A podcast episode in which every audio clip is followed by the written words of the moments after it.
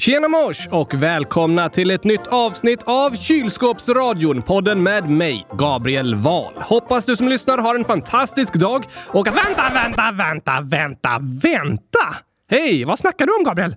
Vad menar du? Du sa att Kylskåpsradion är en podd med dig, Gabriel. Precis. Ja då! Ja, Kylskåpsradion är en podd med mig också! Kylskåpsradion är en podd med mig, Gabriel. Ingen mer. Ingen? Jo, jag är också med! Förutom mig är det ingen som pratar i den här podden. Jag pratar också! Alltså, jag lånar din röst. Men det här är faktiskt en podd med Gabriel och Oskar! Nej, förutom Gabriel är ingen med i kylskåpsradion. Jo! Hallå allihopa! Hör ni mig? Jag är här och jag är med i kylskåpsradion! Jag hör ingen. Hör du mig inte?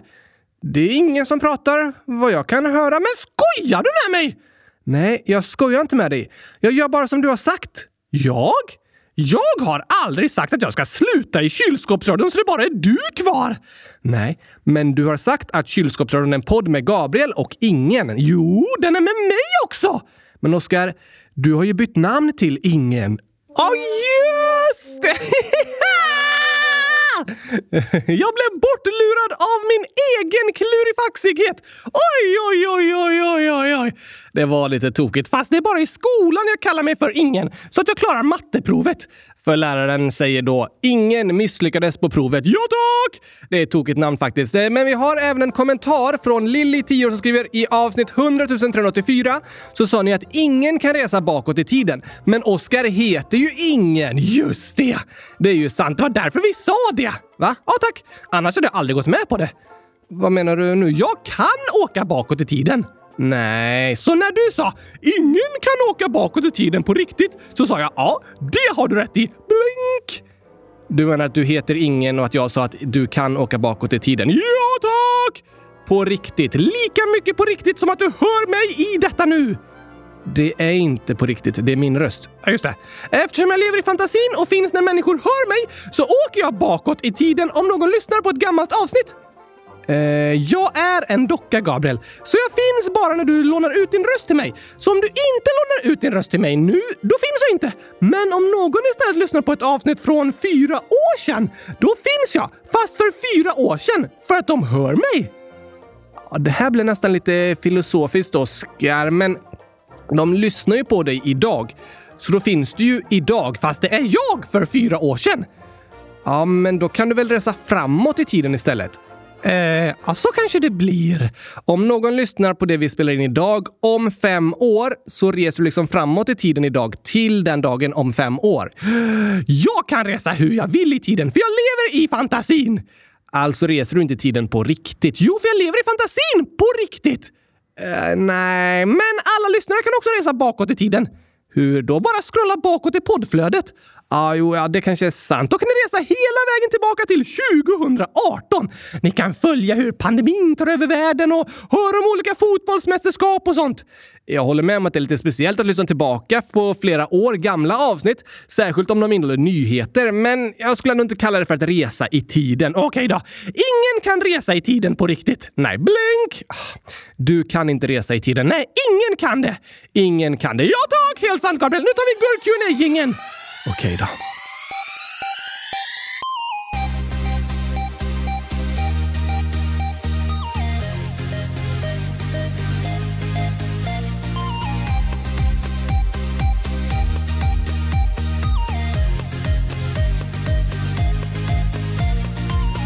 Ingen här säger äntligen torsdag och hälsar kallt välkomna till avsnitt 100 387 av Kylskåpsradion. Kallt välkomna! Det är torsdag 14 centum milliamber år 2033 och dags för ännu ett frågeavsnitt! Precis. Vi hoppar rakt in i frågan... Vänta, vilket år sa du? 2033? Nej, det är 2023. Nej, Gabriel, det är 2033. Har du rest framåt i tiden utan att märka det? Det är bara du som försöker luras, Oskar. Ah, Okej okay då. Men det kanske är någon som lyssnar på det här år 2033? Kanske det. Då är det som att vi har rest tio år framåt i tiden nu. Fortfarande ingen tidsmaskin. Släpp det där nu. Det är år 2023 och det är dags att läsa lyssnarfrågor. Okej, okay, kom an bara! Jag är klar som tre kulor gurkglass som precis lagts ner i glasstruten. Gott. Första frågan är dock inte till dig. Inte? Det är Gula Glass 100 000, 9 år, som skriver “Är Gabriel vegetarian?” Jo tack, han äter bara gurkor. Nej, just det, det var i mina drömmar. Jag är inte vegetarian. Jag äter i princip allt. Allt? Äter du ett flygplan? Nej, det gör jag inte. En motorcykel? Det är ingen mat, Oskar. Okej, okay. äter du eh, friterade skalbaggar i vitlökssås? Det har jag aldrig ätit, så du äter långt ifrån allt! Ja, det är ett lite konstigt uttryck kanske. Tänk om någon bjuder hem dig på mat och middag och frågar “Äter du allt?” och så svarar du “Ja” och sen så bjuder den personen på ett halvt flygplan och så äter du inte det! Jag vet ingen som skulle servera ett halvt flygplan till middag. Precis, jag skulle servera det! I alla fall ett halvt leksaksflygplan! Ja, okej, okay, inte, alltså, jag menar inte så, men det är inte många som ser ett flygplan som mat. Men frågan var ju om jag var vegetarian och det är jag inte, men jag lagar mycket vegetarisk mat hemma för att det är gott och billigt och bra för klimatet. Så typ eh, flexitarian. Det är inget jag brukar kalla mig, men eh, visst, vissa kallar det så. Jag är i alla fall vegetarian hela tiden. Du käkar bara gurkor. Gurkor i alla olika former gott godast i världen. Det tycker du. Och på tal om det skriver Venla, 11 år. Hej kylskåpsradion! Idag när vi kom hem från farmor och farfar trodde mamma att vi inte hade några gurkor, men istället hade vi sex gurkor! Snälla ta med det här. PS. Ni är bäst. Tack och hej! Gurkapastej. Vilken dröm att komma hem till gurkor! Riktig dröm för dig. Jag saknar dina föräldrar, Gabriel. Du menar att du saknar gurkaplantan hemma hos mina föräldrar där vi bodde i somras? Eh, ja. Det menar jag. Men det var liksom trevligare och finare att säga att jag saknar dina föräldrar än att jag saknar en gurkaplanta. ja, det var det faktiskt. När ska vi odla egna gurkor, Gabriel? Det är en bra fråga. I alla fall vill jag alltid komma hem till ett lager med gurkor, som Venla skriver. Ja, det gör du alltid, Oskar. Igår köpte jag faktiskt några nya väldigt, väldigt små spanska gurkor. Oh la la! De ska jag smaka på!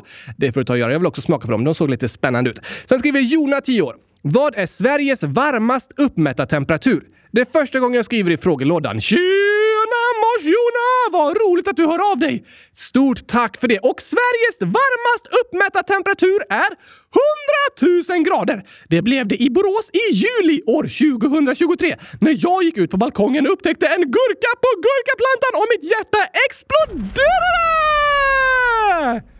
Eh, nej, jag blev väldigt glad i alla fall. Det blev du. Men Sveriges värmerekord sattes inte i somras. Hur varmt är rekordet? Den varmaste temperatur som någonsin uppmätts i Sverige är 38,0 grader. Oh, det är varmare än kroppstemperaturen! Precis, varmare än den vanliga kroppstemperaturen. Du kan ju ha 38 grader om du har feber. Och det är väldigt, väldigt varmt när det är så varmt ute. I somras eh, när jag reste genom Balkan var det 38 grader ett par dagar. Då är det jobbigt att röra på sig. När var det så varmt i Sverige? Det har varit 38,0 grader två gånger. Den 9 juli år 1933 i Ultuna och den 29 juni år 1947 i Målilla. I Målilla finns det till och med en stor termometer i en rondell som symboliserar stadens värmerekord. Något att vara stolta över!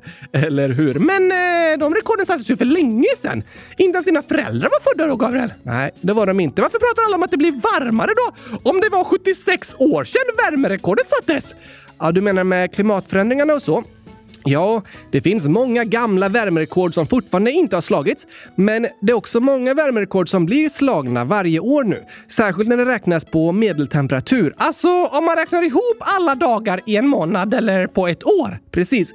Sett till medeltemperatur över hela året så är år 2020 det varmaste året som någonsin uppmätts i Stockholm och juli 2018 är den varmaste månaden någonsin i staden. Okej? Okay. Och sommaren år 2022, förra året, var den varmaste sommaren någonsin i Europa. Temperaturen var 1,4 grader över genomsnittet för åren 1991 till 2020.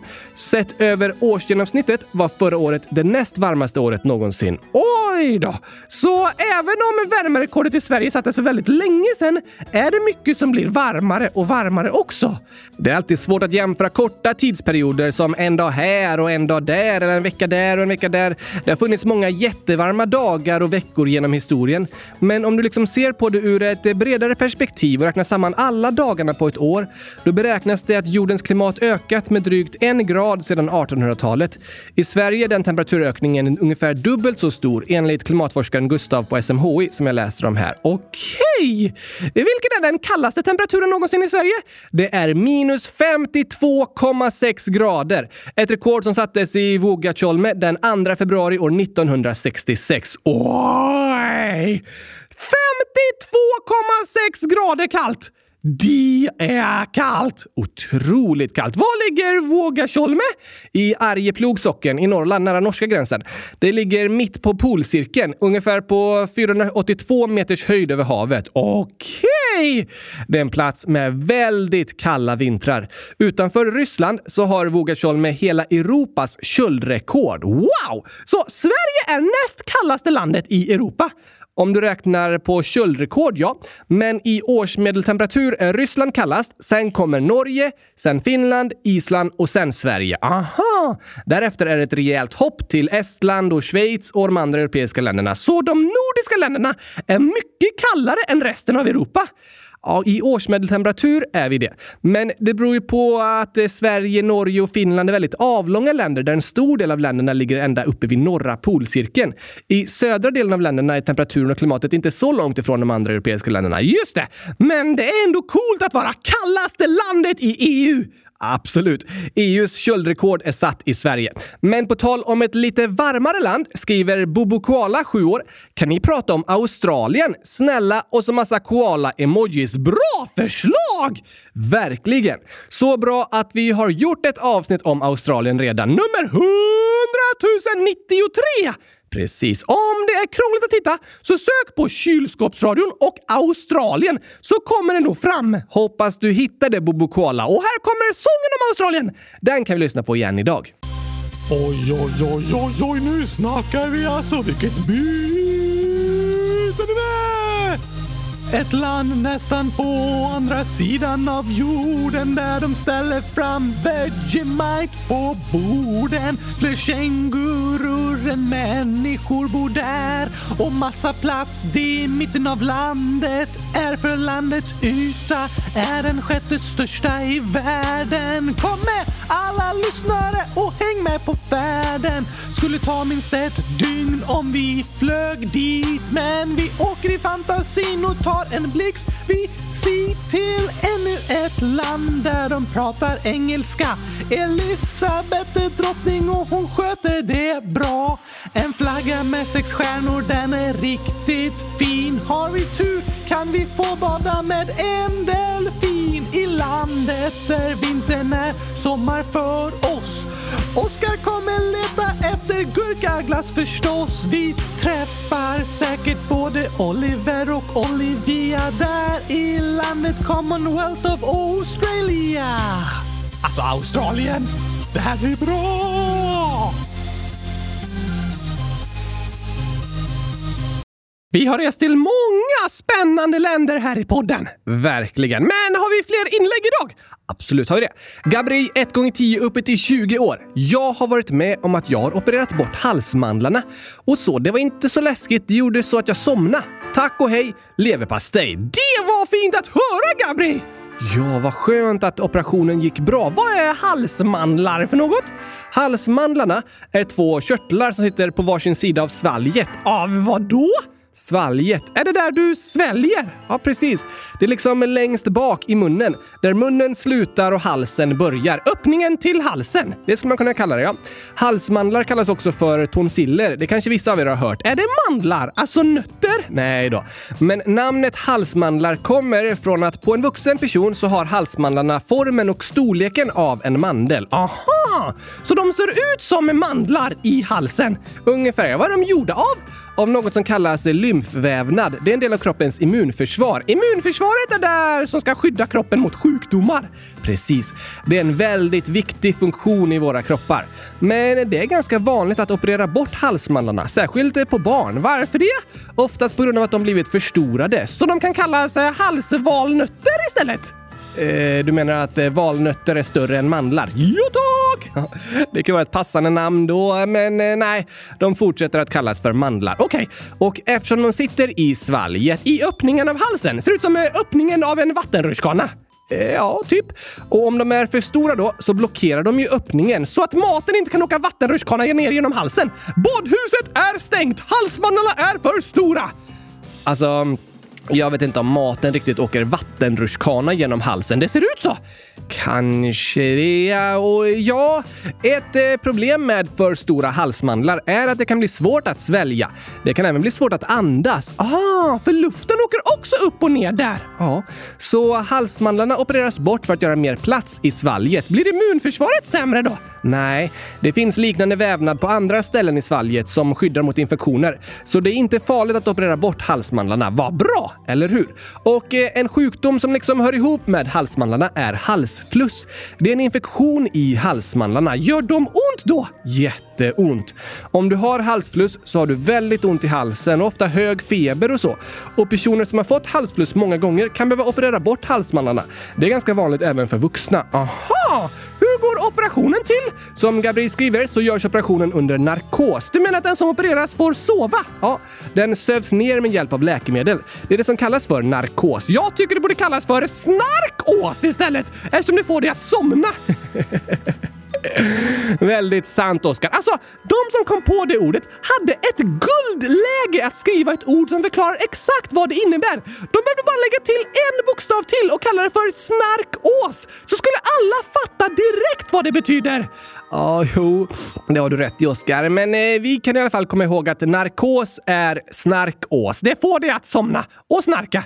Kanske inte snarka så mycket alltid, men eh, absolut, det får dig att somna. Och under operationen får patienten narkosmedel så att den fortsätter sova och inte känner något. Det låter skönt att inte känna något om de ska skära bort halsmandlarna. Det är väldigt skönt att det går att bli nedsövd och genomgå en operation utan att kunna känna smärta när de skär i olika delar av kroppen. Just det! Och när operationen är färdig, då slutar narkos narkossköterskan ge narkosmedel och så småningom vaknar patienten igen. Har du fått eh, snarkos, Gabriel? Ja, jag blev nedsövd en gång när jag var typ eh, 11 år för en undersökning i min mage. Då sprutade de in narkosmedlet i kroppen på mig och bad mig räkna ner baklänges från 10. Men jag hade somnat innan jag ens hade hunnit till 5 tror jag. Var det omöjligt att hålla sig vaken? Ja, det går inte.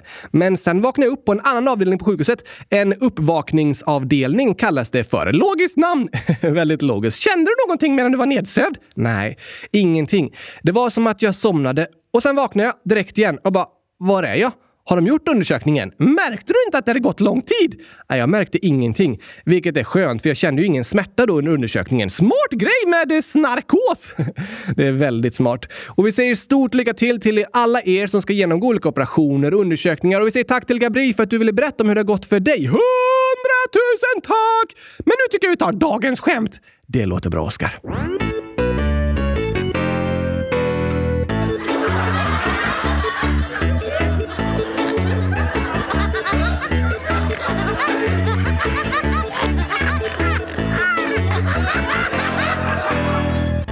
Här har jag en riktigt tokig gåta, Gabriel. Okej, det är Margit, 10 000 år, som skriver skämt. Var ställer kossan sina tavlor? Oh, eh, det där känner jag igen. Kossan målar fina tavlor. Gör den? Ja, helt vita tavlor. Varför det? För att tavlorna ska se ut som ett hav av mjölk. Ah, så tavlan är bara ett vitt papper. Ja tack, för kossor älskar mjölk.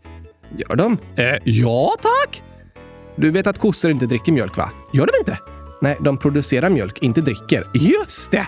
Men eh, kalvar dricker mjölk. Ja, på samma sätt som bebisar dricker bröstmjölk från sina mammor så dricker kalvar mjölk från sina mammor. Så mjölken människor dricker från kossor är mjölken som kossorna skapar till sina barn. Ja, det kan man säga. Oj då!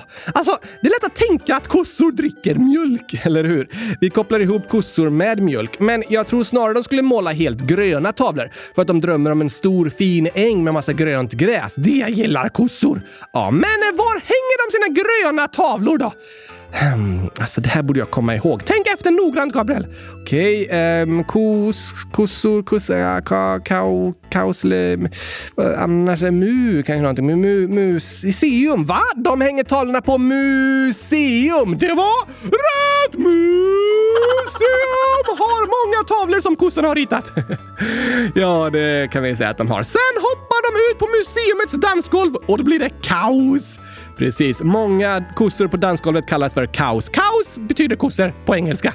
Precis. Tack för skämtet Margit. Här är fler tokerier! Mr B and Monkey. Mr B and Monkey år skriver “Jag har ett skämt, okej? Okay? Det var en gång två män. En var svensk, den andra var engelsk. Då sa den svenska mannen “Jag ska sjunga i en kör”. Då sa den engelska mannen “I don't care”. Nej, det lät inte trevligt när det blandades svenska och engelska. Det lät som engelsmannen sa I don't care, som betyder jag bryr mig inte. Det är inte ett snällt svar när någon berättar något. Nej, det är inte snällt att säga så. Men han sa ju I don't care! Alltså att han inte är med i en kör! Kör och care låter faktiskt lika.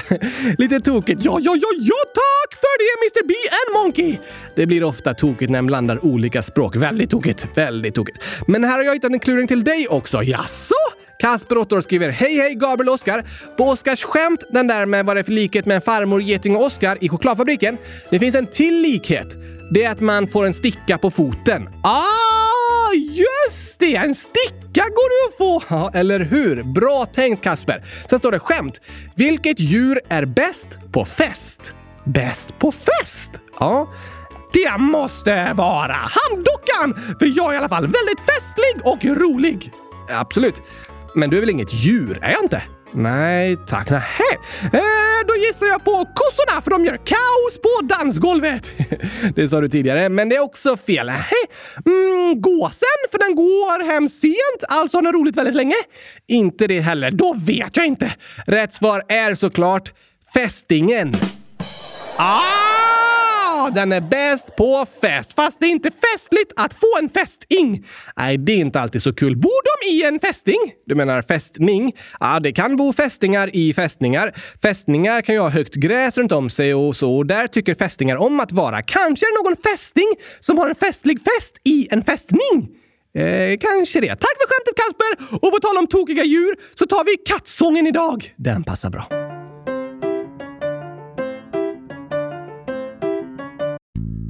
Det här är strofer om en katt som spelar massa spratt och skapar massa skratt. Och vet du att katten ändå satt i sin katedral och lite hungrig var så hon åt en gitarr och blev stämd. Katten åt ett fönster och såg bra ut. Katten åt en lampa lös i magen så hon åt lite honung men fick biverkningar. Katten funderade och hade misstankar. Hon sökte efter restauranger i telefonkatalogen. Någonstans kanske finns mat som ej ger magkattar. Men då måste de vara i en annan kategori. Så katten åt en stekpanna men började fräsa. Åt ett batteri men gjorde volt. Hon åt en insekt och fick fjärilar i magen så då åt hon en mus och Va? Vad händer här? Katten åt en mus, Oskar. Ja, men varför funkar inte programmet? För när katten åt en mus fick den datorkrångel. Just det! Spy upp musen igen, katten! Vi måste fortsätta här! Katten åt ett ljus och blev en lussekatt. Katten åt ett hjul och blev däckad. Katten åt en sko och fick sparken. Katten åt en tagare och fick kull. Katten åt en bil, blev ivägkörd och till sist åt katten en linjal och blev mätt. Var är det sista? Nej förresten, det är inte tillräckligt. Ehm, det sista som hände av alla kattastrofer var att katten åt ett elskåp och blev proppmätt. Fler inlägg! Här kommer de! Anonym Anonym Ålder skriver Hej kylskåpsradion! En klasskamrat till mig sa att jag var dålig på King och att jag inte kunde spela King. Jag blev väldigt ledsen av det han sa till mig och jag har inte vågat säga det till någon fröken eller mamma eller pappa. Vad ska jag göra? Snälla ta med det här i podden. PS. Jag älskar eran podd. Sluta aldrig med det ni gör. Det var väldigt snällt sagt Anonym, men det din klasskamrat sa, det var inte snällt sagt. Verkligen inte. Det är inte okej okay att säga så till någon annan, för det är ju inte sant. Nej, alltså att spela King på skolgården är inte som att vara med i VM eller något. Det är bara en lek för att ha roligt och det spelar ingen roll hur det går. Alla ska få spela! Precis, Oskar. Gillar du King, Gabriel? Ja, jag spelade ganska mycket King när jag gick i skolan. Det, det där spelet med en basketboll och fyra rutor. Just det! Och ibland vann jag och ofta förlorade jag. Det är så det är med spel och lekar. Vi kan både misslyckas och lyckas, vinna och förlora. Och allt är helt okej. Okay. Ja, det är helt okej. Okay. Men det som inte är okej okay är att säga dumma saker till de andra som spelar. Nej, det är inte okej. Okay. Jag förstår att du blev väldigt ledsen av det Anonym och att det kan kännas svårt och jobbigt att berätta om det för en vuxen. Det var modigt att skriva i frågelådan. Verkligen. Tack för att du vill höra av dig och berätta om vad du känner. Vad du känner är viktigt, för du är viktig. Det är du. Det önskar vi att du ska få veta. Vad går det att göra då? Jag hoppas att du ska få känna att det är okej okay att berätta om det som har hänt. För det är inget att skämmas för. Du har inte gjort något fel. Nej, det var personen som sa det dumma som gjorde något dumt. Ja, men det är inte ditt fel. Du behöver inte vara på något annat sätt. Jag hoppas att du ska få känna att du är bäst i test och att du ska vilja fortsätta spela King och ha det roligt tillsammans med dina vänner. Ja, ja, ja, ja tack! Lycka till Anonym! 100 000 tack för att du hörde av dig. Skriv gärna igen! Gör gärna det. Och Leona, 10 år, skriver “Ni är bäst i test. Jag har precis börjat femman och så massa hjärtan. Dag 112 att försöka vara med och gurkor och hjärtan. Tjena mors Leona! Vad roligt att höra att du precis börjat femman. Hoppas allt har gått bra. Ja, tack! Och tack för att du hör av dig i frågor och vill vara med i podden. Vi blir så glada över att få höra ifrån dig. Det blir vi verkligen. Alltså, lyssnarna är så snälla som skriver så fina saker till oss. Eller hur? Som “Ni är bäst i test”. Jag vill börja gråta när jag hör det fast jag inte ens kan börja gråta. Jag också. Kan inte du heller gråta? Jo, jag kan gråta, men då kan du väl börja gråta? Ja, jag blir tårögd av alla de fina orden ni skriver till oss. Det är väldigt uppmuntrande att få höra så snälla saker. Det är det verkligen. Och jag tror att alla människor blir glada av att få höra sånt. Så, så fina komplimanger tycker jag vi kan fortsätta att säga till varandra. Ja, ja, ja tack! Jag skickar en komplimang tillbaka och säger att du är bäst i test, Leona! Det stämmer jag in i. Tack för ditt medlande. Och Hanna, 10 år, skriver Hej! Jag har brutit armen. Det är ganska jobbigt. Snälla läs upp det här. Åh nej! Det låter faktiskt jobbigt! Ja, det gör ont att bryta armen och sen kan det vara jobbigt att gå runt med gips under lång tid och inte kunna använda armen. Jag förstår att du känner så, Hanna! Jag också. Det var tråkigt att höra om att du har skadat dig. Men vi hoppas att du fått superbra hjälp på sjukhuset och att din arm ska läka snabbt och fantastiskt bra. Ja, ja, ja, ja, ja, tack! Och att du ska kunna äta gurkaglass med den andra armen under tiden. ja, till exempel äta gurkaglass. Och du ska hitta sätt att göra andra saker du behöver med bara en arm. Det är klurigt. Väldigt klurigt. Men jag vet att Hanna är en väldigt klurig person som kan lösa många klurigheter. Woho! Vi hoppas också att det finns andra som kan hjälpa dig med det du behöver så att du känner att du klarar av vardagen på bra sätt. Även med en bruten arm. Hundratusen krya på dig hälsningar till dig Hanna! Ha det bäst i test. Och på tal om klurigheter så skriver Fifa-kungen 9 år. Oskar, vad blir 50 000 plus 50 000? Och det är en väldigt klurig fråga. Jag har funderat på den här i flera dagar nu och räknat fram och tillbaka och fram och tillbaka. Men till slut har jag kommit fram till att rätt svar på mattefrågan 50 000 plus 50 000, alla vet du kommer att svara 100, är 2! Det är vad? 50 000 plus 50 000 är lika med 2. What? Det är långa uträkningar som har fått mig att komma fram till detta. Oskar, det blir 100 000. Va? Nej! Jo, skojar du med mig Gabriel? 50 000 är hälften av 100 000. Så 50 000 plus 50 000 är lika med 100 000. Det är inte sant! Första gången i år som jag kunde haft rätt på en mattefråga och så svarar jag fel! Varför tänkte du att det blir två? Alltså, först var det ju en 50 000, sen var det en till 50 000. Jag tänkte liksom att det är två stycken 50 000. Ja, det är två tal som plussas ihop, men två gånger 50 000 är lika med 100 000. Ah! Oh, jag ville äntligen svara rätt på en mattefråga! Så jag tänkte att nu ska jag räkna efter noggrant och det brukar bli två! Men du borde svara det du alltid svarar. Ja, tack! Från och med idag ska jag alltid svara hundratusen på varje mattefråga. För säkerhets skull. Det gjorde du väl redan? Ja, men jag ändrade mig idag. Det borde jag aldrig gjort. Jag ska aldrig ändra mig igen. det borde du inte. Men du, Fifa-kungen 9 år skriver även en gång var det någon som mobbade mig. Nu har det slutat. Hur många gurkor är det? Och så är det 403 stycken. Oj, oj, oj! 403 000 gurkor! Tack för dem, Fifa-kungen! Det var väldigt tråkigt att höra om att du blivit mobbad. Det är inte okej. Okay. Men fint att höra att det blivit bättre. Det är faktiskt uppmuntrande. När en är mitt i en jobbig situation så kan det kännas som att det alltid kommer vara så här hemskt. Men då kan vi komma ihåg att det finns hopp. Saker kan bli bättre. Det är skönt att tänka på. Men till alla som blir mobbade vill jag säga, det är inte ditt fel. Det är aldrig ditt fel att du blir mobbad. Du behöver inte ändra den du är, för det är inget fel på dig. Nej, för du är bäst i test! Det är du. Det är den som mobbar som gör fel och som måste sluta. Ja tack! Men på tal om att bli utsatt för saker så skriver Pandan 100 000 miljarders miljoner 818 9 år. Min syster slår mig. Jag vill inte att hon ska göra det, men hon gör det ändå. Jag säger stopp, men hon slutar inte. Vad ska jag göra? Snälla svara. Åh nej! Det är en jobbig situation. Ja, verkligen. Det är många syskon som skriver och berättar om andra syskon som slåss och skriker och är dumma. Tyvärr är det ganska vanligt. Vad går det att göra då? Det är jättebra att du skriver och hör av dig och berättar om vad som har hänt pandan. Ja tack! Fortsätt berätta om det! Gör det! För det är viktigt att du får känna att det finns andra som bryr sig och stöttar dig och att det inte är okej okay att din syster slår dig. Ingen förtjänar att bli slagen!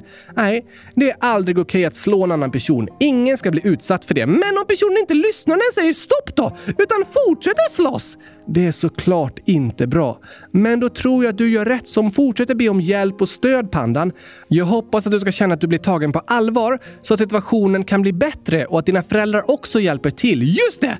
Du är inte ensam, pandan. Det finns många som vill att du ska må bra och som vill hjälpa dig. Tack för att du hör av dig och berättar om vad du är med om. Det är viktigt, för du är viktig. Tack för det.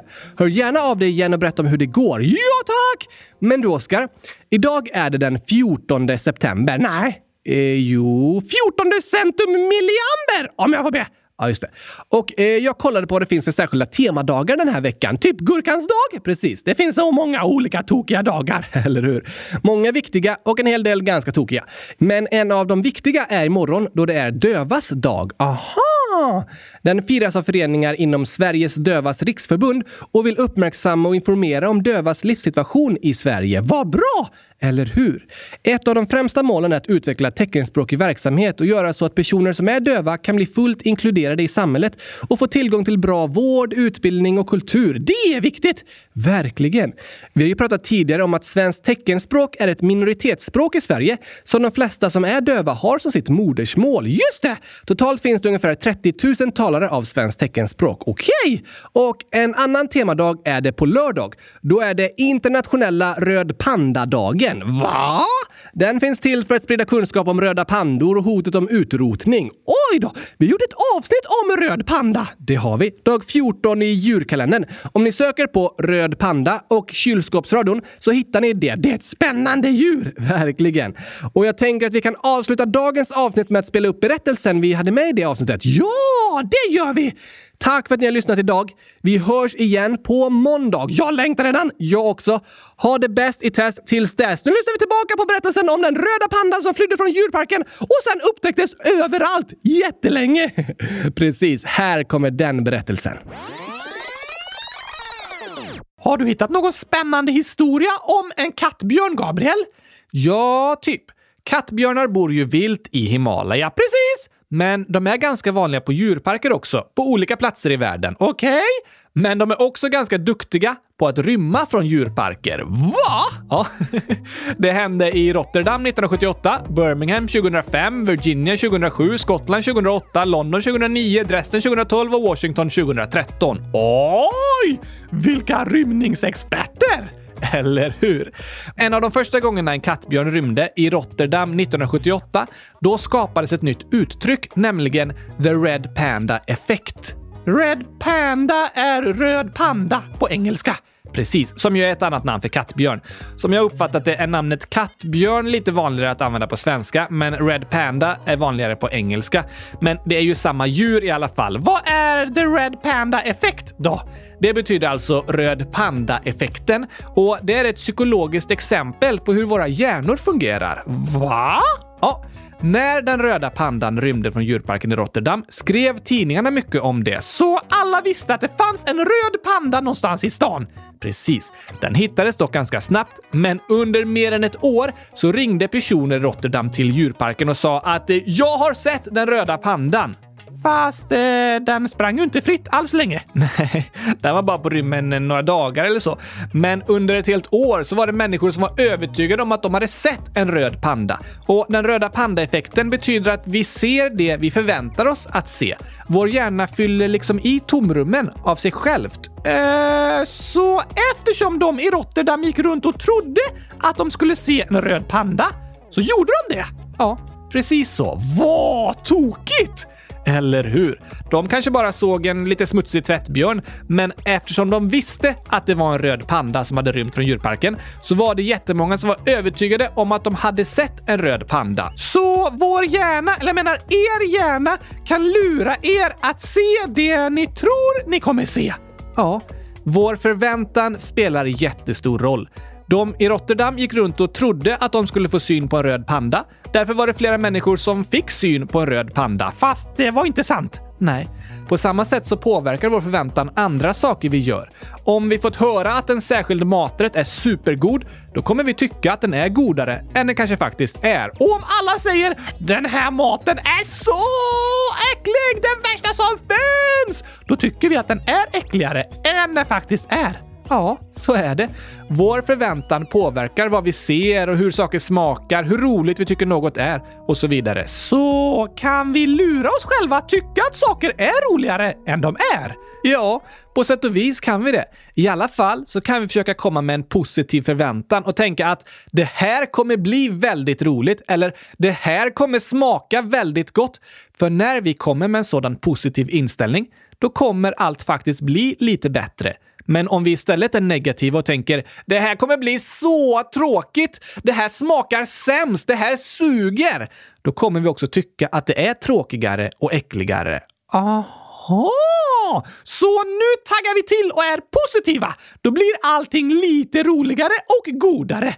Ofta blir det det, så ja, jag tycker vi kan bestämma oss för att komma med en positiv inställning. Men alltså, enligt röd panda-effekten, om jag tror att det finns vandrande kylskåp, kommer jag då kanske att få se vandrande kylskåp? ja du, kanske. Röd panda-effekten fyller i tomrum i din hjärna. Om du ser något som skulle kunna vara ett vandrande kylskåp så kan din hjärna tro att det är det. För att det är det du förväntar dig att få se. Då ska jag gå runt och förvänta mig att få se vandrande kylskåp! Smart tänkt, Oskar. Det funkar på samma sätt med sjömonster och Snömannen och sånt. Det är röd panda-effekten som gör att vi tror att vi ser något fastän det egentligen inte finns. En gång var jag på safari i Sydafrika och flera av oss som var där var helt övertygade om att vi såg ett lejon i några buskar. För att ni förväntade er att få se det! Ja, vi förväntade oss det och hoppades verkligen få se det. Men det var bara några grässtrån. Eh, inte riktigt ett lejon. Nej, men alltså jag trodde verkligen att jag såg ett lejon. Så det här med röd panda-effekten, det är verkligen klurifaxigt. Men vi kan i alla fall lära oss att om vi har en positiv inställning och tror att saker kommer bli bra, så blir de bättre än om vi går runt och är negativa och tänker att allt är kass. Så är det, och det är verkligen något vi kan lära oss av den röda pandan, a.k.a. kattbjörnen. En väldigt tokig berättelse och lärorik. Det håller jag med om. Men med det säger vi tack för idag alla älskade lyssnare. Tack och hej! Gurkapastej! Vi hörs igen på måndag. Hej då! Hej då!